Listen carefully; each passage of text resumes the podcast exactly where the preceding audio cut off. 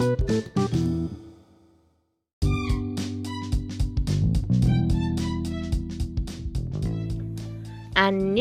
Assalamualaikum warahmatullahi wabarakatuh. Balik lagi di Ngaliu Ngabuburit bareng Haliu Ranger.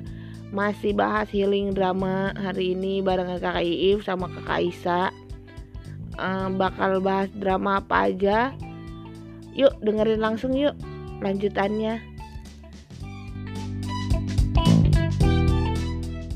Berarti drama berikutnya mm -mm. Mm -mm. Siapa dulu? apa sih? Ilmu yang apa dulu dulu yang bahas? Udah gak ada yang sama. Gak ada yang sama soalnya. Gak ada yang sama. If dulu dah, dari tadi kan kita berdua ngomong mulu. Oh, If deh. Heeh, yaudah Iif. drama kedua yang menurut gue healing buat gue itu adalah uh, Another Miss Oh atau Another Oh Hyeong.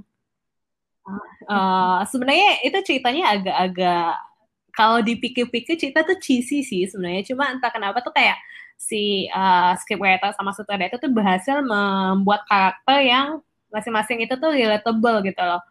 Gue tuh suka banget sama si Oh Hyeong. Jadi kan cerita itu tentang ada dua orang yang dengan nama yang sama tapi dengan nasib yang sangat berbeda gitu. Satu Oh Hyeong, Oh Hyeong cantik, pinter yang kayak bener-bener Sempurna ya. Kompeten gitu. Yang sebenarnya yang kedua itu adalah Oh Hyeong biasa aja, tajir juga kagak, cantik juga enggak, pinter apalagi gitu. Jadi kayak yang otak pas-pasan, muka pas-pasan, duit pas-pasan. Jadi ya udah pas-pasan gitu. Tapi bukankah semua orang di dunia ini adalah pas-pasan gitu? Semua orang di dunia ini, nggak nggak semua sih, 80% perempuan di dunia ini adalah 80% adalah Oh Hyeong biasa. biasa gitu. gitu. Jadi eh dan mereka punya nama yang sama dengan nasib yang sangat berbeda gitu. Nama yang sama sehingga si Oh Hyeong ini tuh mau nggak mau tuh suka dibanding-bandingin dengan si Oh Hyeong eh Cantik. Oh Hyeong cantik gitu. Jadi eh ya itu jadi Hmm. kayak ngerasa dia itu eh seumur hidupnya dia tuh ngerasa useless gitu loh, nggak nggak berarti apa-apa karena selalu ada si Oh Hyeong cantik ini. Karena dia selalu dibanding-bandingin dengan si Oh Hyeong cantik ini gitu. Jadi eh situ sih gue ngerasa gue eh, ngerasa si Oh Hyeong ini tuh kayak representasi banyak orang gitu. Karena kadang kita entah disadari atau enggak kita tuh juga suka dibanding-bandingin dengan orang lain gitu. Dan Ben. mungkin nggak sengaja. Contohnya tuh kayak dari keluarga lo deh lo tuh pasti pernah dibandingin kan? Kayak gue gue tuh selalu dibandingin banget sama kakak gue. Dan itu tuh kayak belakangan gue baru sadar kalau itu tuh ternyata mempengaruhi kepercayaan diri lo gitu dan lo tuh ngerasa kayak lo tuh nggak punya apa-apa ya karena selama ini lo tuh selalu melihat seseorang yang selalu dianggap jauh lebih baik dalam segala hal dari lo dan lo tuh ngerasa hidup lo tuh nggak ada apa-apanya lo tuh nggak bisa apa-apa gitu dan Mm-mm. itu sih yang dialami sama si Oh Hyeong ini dan ketika gue ngeliat si Oh Hyeong yang biasa-biasa aja itu tuh gue ngerasa kayak Hmm. ya mungkin kita nggak pernah tanpa sadar atau sadar kita pernah membandingkan orang lain dengan orang lain yang kita anggap lebih dari dia gitu. Dan uh, kita nggak pernah tahu kalau ternyata omongan yang sepintas lalu itu itu ternyata bisa mempengaruhi pengaruh itu gede loh terhadap orang itu gitu. Dan itu sih yang Hmm. kenapa gue ngerasa si Oh Hyeong ini tuh juga uh, ngerasa relate banget sama gue gitu. Karena uh, si Oh Hyeong ini kalau nggak salah juga dibandingin sama nyokapnya kan karena gue inget tuh Mm-mm. uh, kalau nggak salah nih ya ada emang. ada adegan yang uh, ketika ketika gurunya salah ngasih uh, kertas ujian dan si Iya. Hyeong udah senang banget pulang dengan nilai yang bagus dan ternyata itu adalah kertas ujiannya si Hyeong cantik gitu. Dan nyokapnya tuh kayak udah senang banget gitu loh dan itu tuh gue ngerasa kayak dia itu bener-bener yang ngerasa yang wah akhirnya gue bisa bebas ternyata itu adalah salah gitu dan ketika akhirnya dia uh, uh, bareng sama si Park Do Kyung ini kan yang cowok yang dulunya adalah mantan tunangannya si Oh Hyeong cantik itu dia tuh ngerasa kayak eh, ternyata gue bisa sepantaran dengan si Oh Hyeong cantik gitu. Dan sebenarnya si Oh Hyeong cantik pun juga punya masalah gitu loh. Jadi kayak ya udah nggak lo tuh nggak selamanya harus berada di bawah bayang-bayang orang. Lo tuh bisa kok se berjalan bersisian gitu nggak selamanya lo harus di belakang gitu dan tapi di drama ini tuh juga digambarkan kalau si Oh yang cantik ini tuh bener-bener yang dipuja-puja banget gitu loh kayak uh, ketika mau masuk lift ada Iya, iya. biasa Iya, oh yang boleh yang cantik boleh masuk lift kayak karena cuma boleh satu orang nah itu tuh kayak lebay sih tapi itu tuh kayak semacam ya society Iya, society. emang kadang itu Iya. gitu Ya, ya, ya, ya. Cara kerjanya society ya begitu emang. iya ketika Iya benar. itu adalah hal yang contoh yang uh, mungkin lo nggak akan mengalami itu secara langsung gitu tapi Hmm. macam sentilan ya udah emang society itu kayak gitu jadi ya ya ya sudah lah gitu ya lo terima aja gitu dan menurut gue sih di situ dengan menonton itu tuh gue ngerasa kayak oke gue emang biasa. Gue emang kayak oh yang biasa. Gue nggak seperti oh yang cantik gitu. Gue biasa-biasa aja. Tapi ada kok satu hal di dalam diri gue yang gue tuh bisa bangga dengan itu gitu.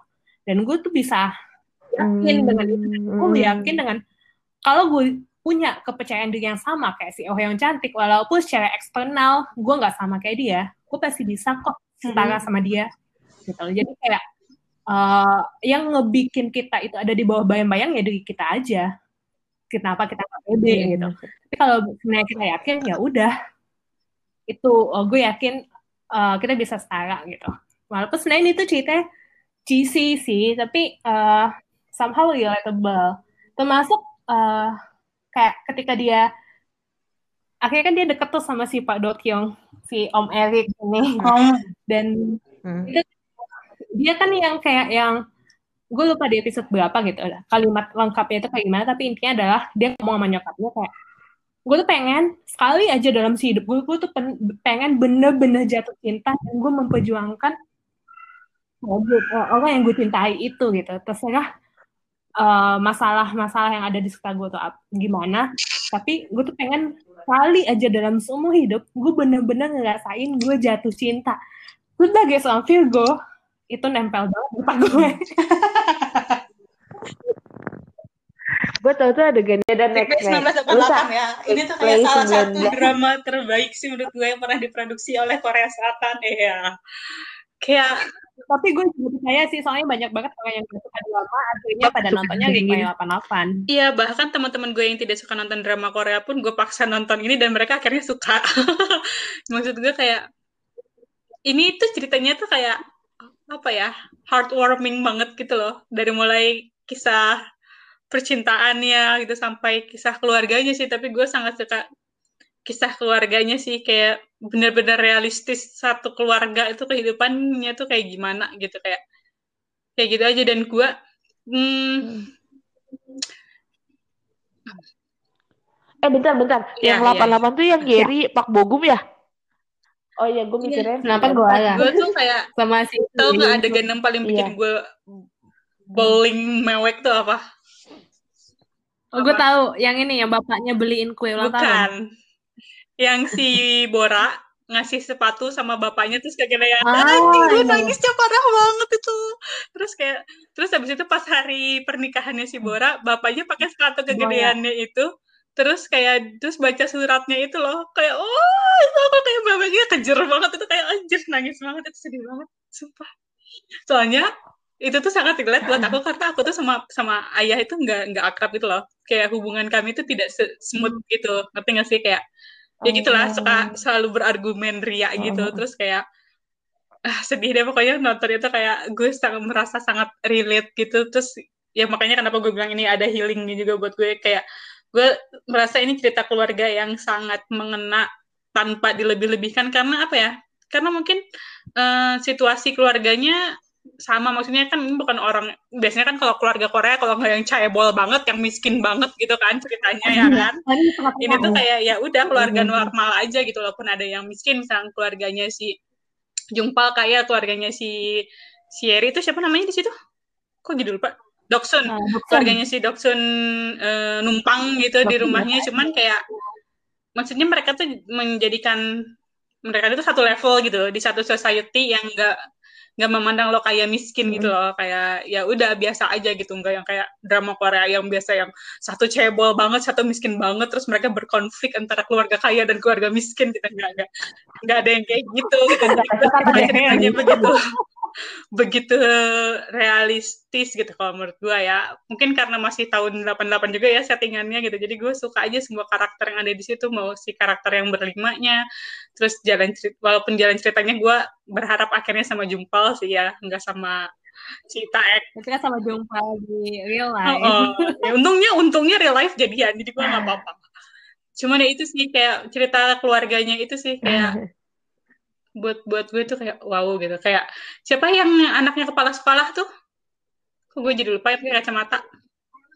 Oh iya iya iya. Yang paling bodoh kan? iya kayak dia tuh anak kepala sekolah gitu. Tapi dia tuh paling malas sekolah paling bodoh kayak gitu. Kayak maksudnya tuh ya realistis aja gitu. Nggak semua anak kepala sekolah tuh kayak oh apa kayak anak-anak pinter. Kalau nggak anak-anak yang dilindungi gitu yang kayak ya dia mah ngaco ngaco aja gitu maksudnya kayak yang Ih, gue suka deh semua semua aspek dari apa penggambaran karakter tokohnya, jalan ceritanya, setting si apa tuh dusun apa sang apa Iya, desa. dong ya Iya. itu gitu gue suka aja semuanya kayak Terus lo nggak tau nggak sih kayak ketika nonton itu lo nggak seolah-olah lo nggak di Korea tapi lo itu di iya Indonesia. itu Karena jadi yang gue suka itu tetangganya adalah tuh- dia itu relate kayak kan kemarin gue ngeliat temen gue eh, pas lagi isolasi ini sih pas lagi WFH ini Oh. dia tuh bukan eh, bukan penyuka drama Korea. Terus gue lihat instastory suaminya. Lagi lagi instastoryin si temen gue ini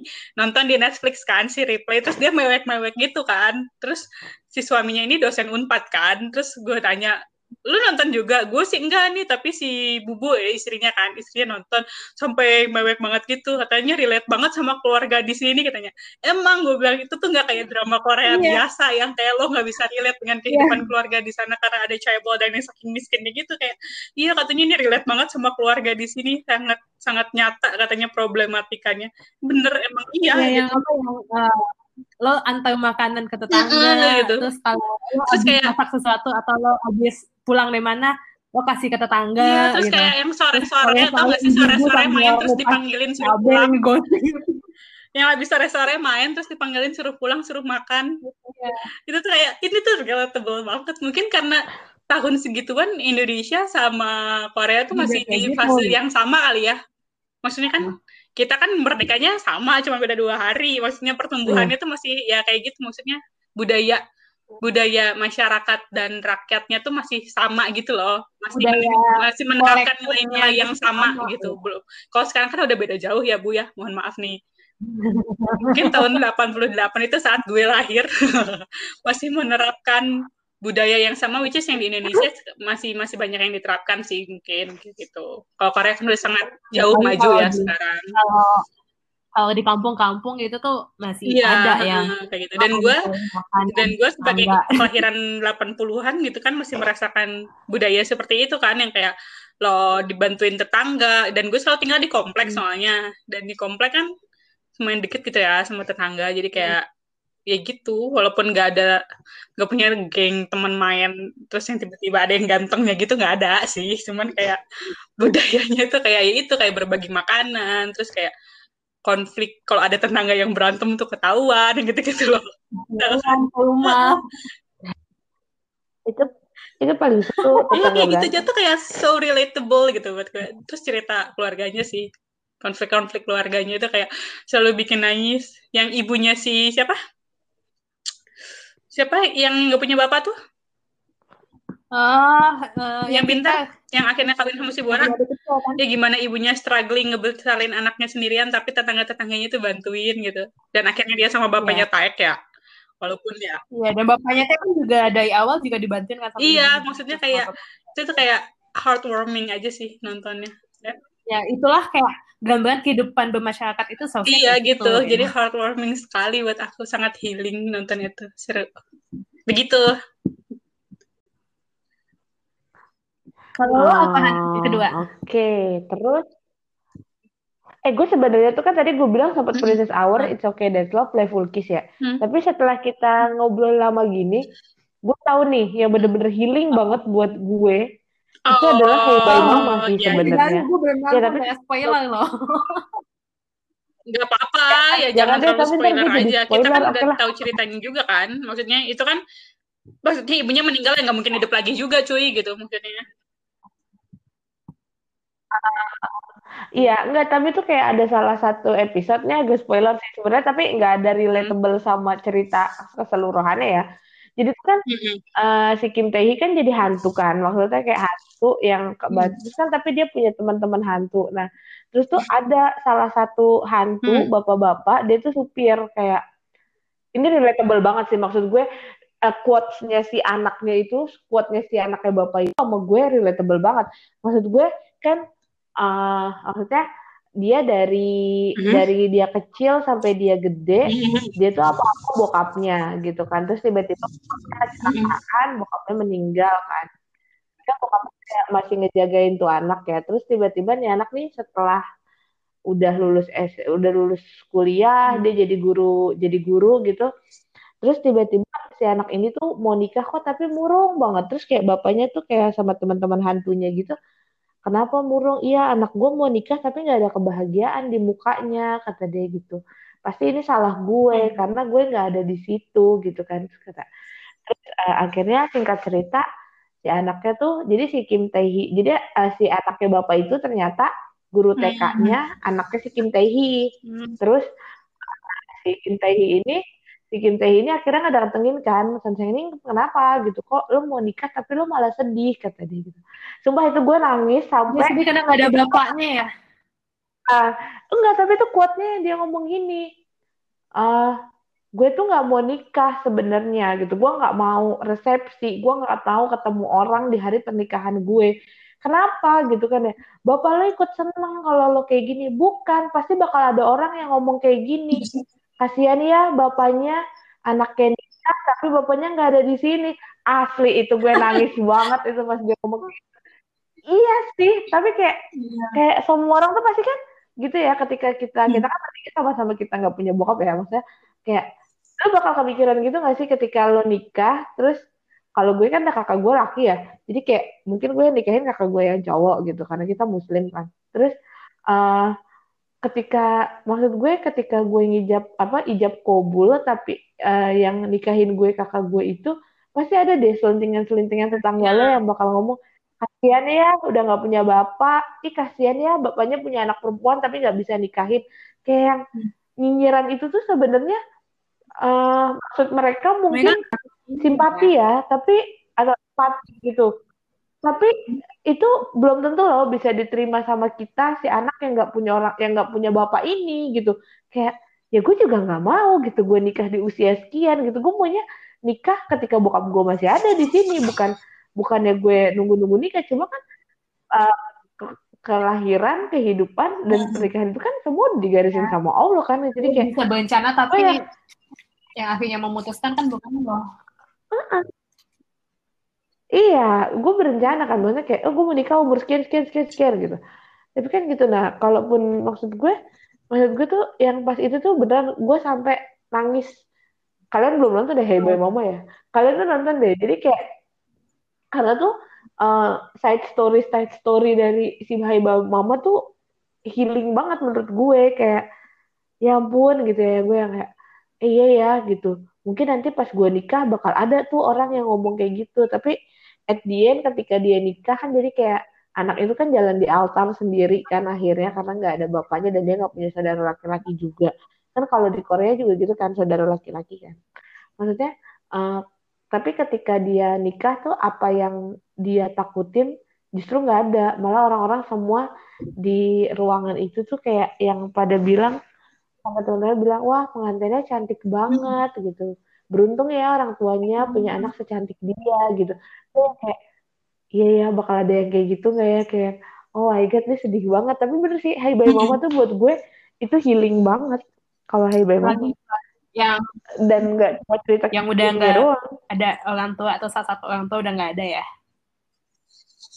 Iya itu tuh lo bakal maksudnya kayak kalau kita hmm. maksudnya orang tua kita udah gak lengkap ya itu tuh bakal lo bakal ngerasain banget sih maksudnya ya terus ada juga tuh quotes-nya si Hai Bye Mama yang pernah gue share juga di Hallyu Ranger.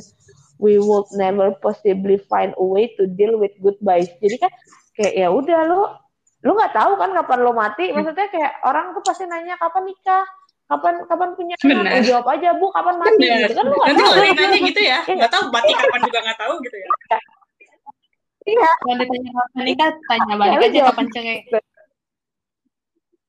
Ah ah. iya lu jawab aja kayak gitu. Maksudnya ya kan ketika kita mau kita kan nggak tahu ya maksudnya rencana Allah gimana yang besok gitu. Kayak tahu-tahu tahun ini kita ada covid gitu.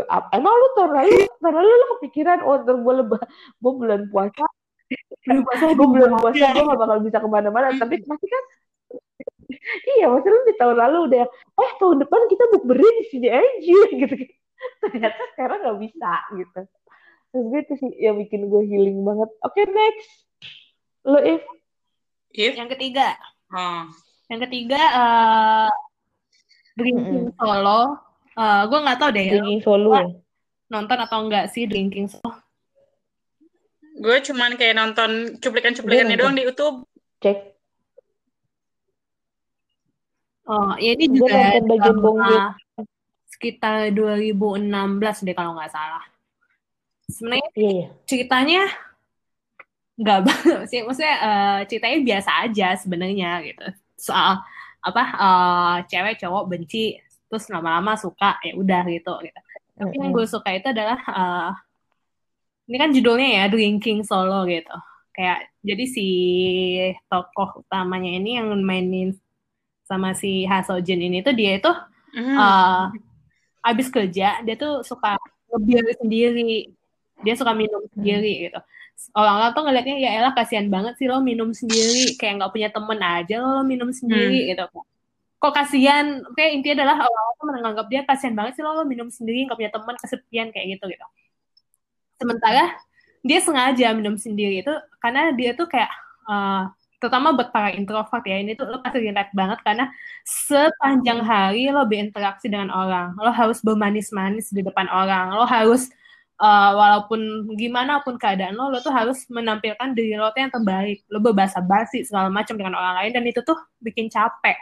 Sehingga uh, alasan dia minum sendiri itu adalah karena dia cuma butuh waktu untuk dirinya sendiri aja gitu. Karena uh, setelah dia berbahasa basi dengan berinteraksi dengan orang sepanjang hari nggak ada salahnya kan ngasih waktu sekitar satu jam untuk diri sendiri.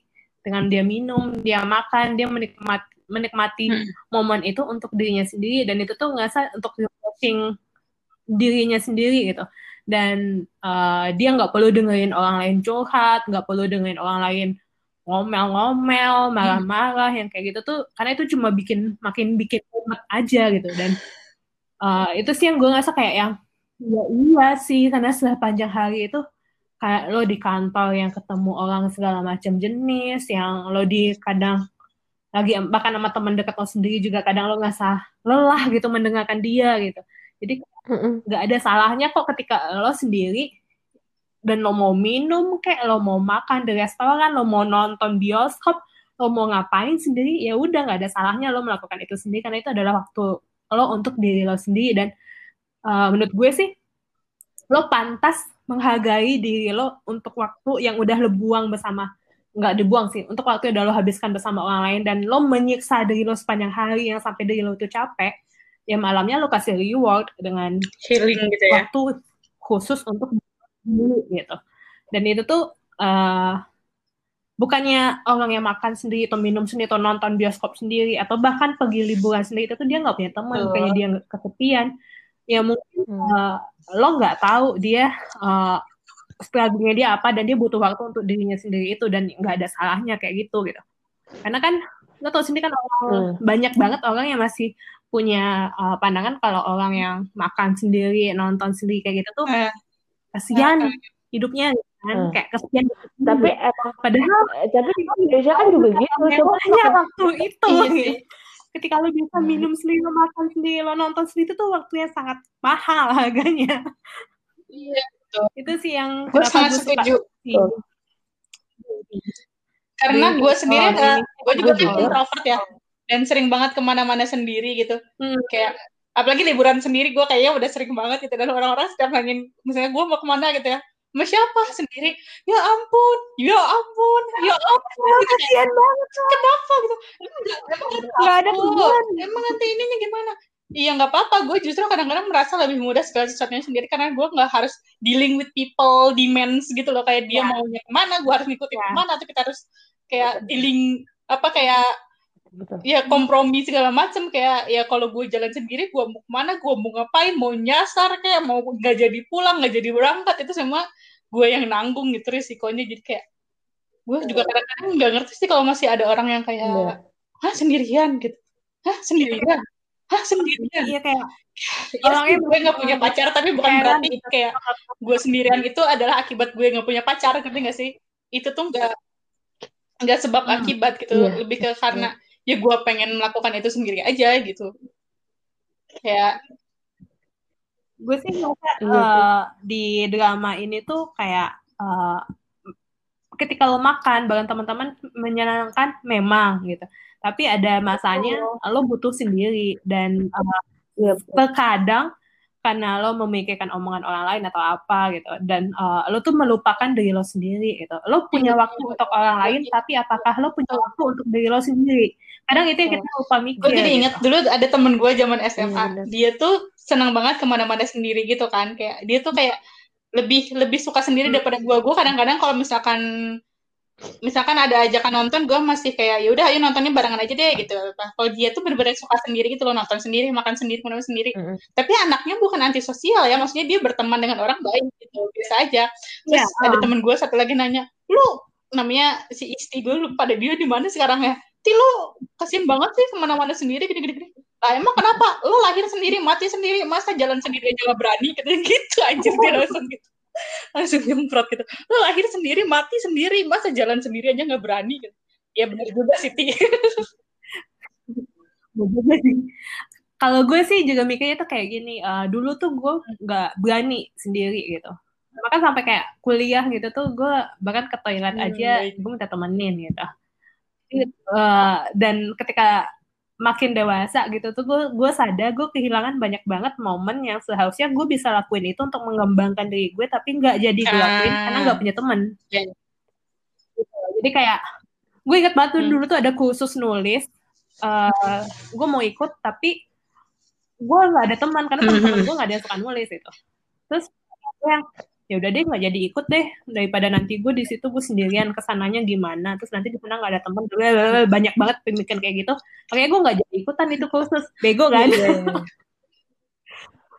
tapi akhirnya gue tuh ngeliat kayak yang mau sampai kapan? Kayak gini kayak gitu terus gitu loh. Kayak lo tuh sudah membuang banyak kesempatan yang sebenarnya bisa lo lakukan. Lo ambil kesempatan itu untuk mengembangkan diri lo tapi nggak bisa karena lo nunggu nungguin teman gitu. Karena belum tentu teman lo selalu available buat lo gitu Iya sih hal benar. simpel kayak Bener banget. saking lamanya nungguin teman itu film yang pengen lo tonton Iya, sebut duluan Ember. Oke deh, segitu aja bahasan healing dramanya. Semoga bisa jadi rekomendasi buat kalian semua ya yang masih di rumah aja. Oh iya, jangan lupa minggu depan bakal ada surprise live IG di IG-nya Hallyu Ranger at Hallyu Ranger. Jangan lupa untuk di follow IG-nya ya. Oke deh, selamat sore. Terima kasih Kakak Aisyah dan Kakak Iif. Annyeong. Wassalamualaikum warahmatullahi wabarakatuh. Selamat berbuka puasa.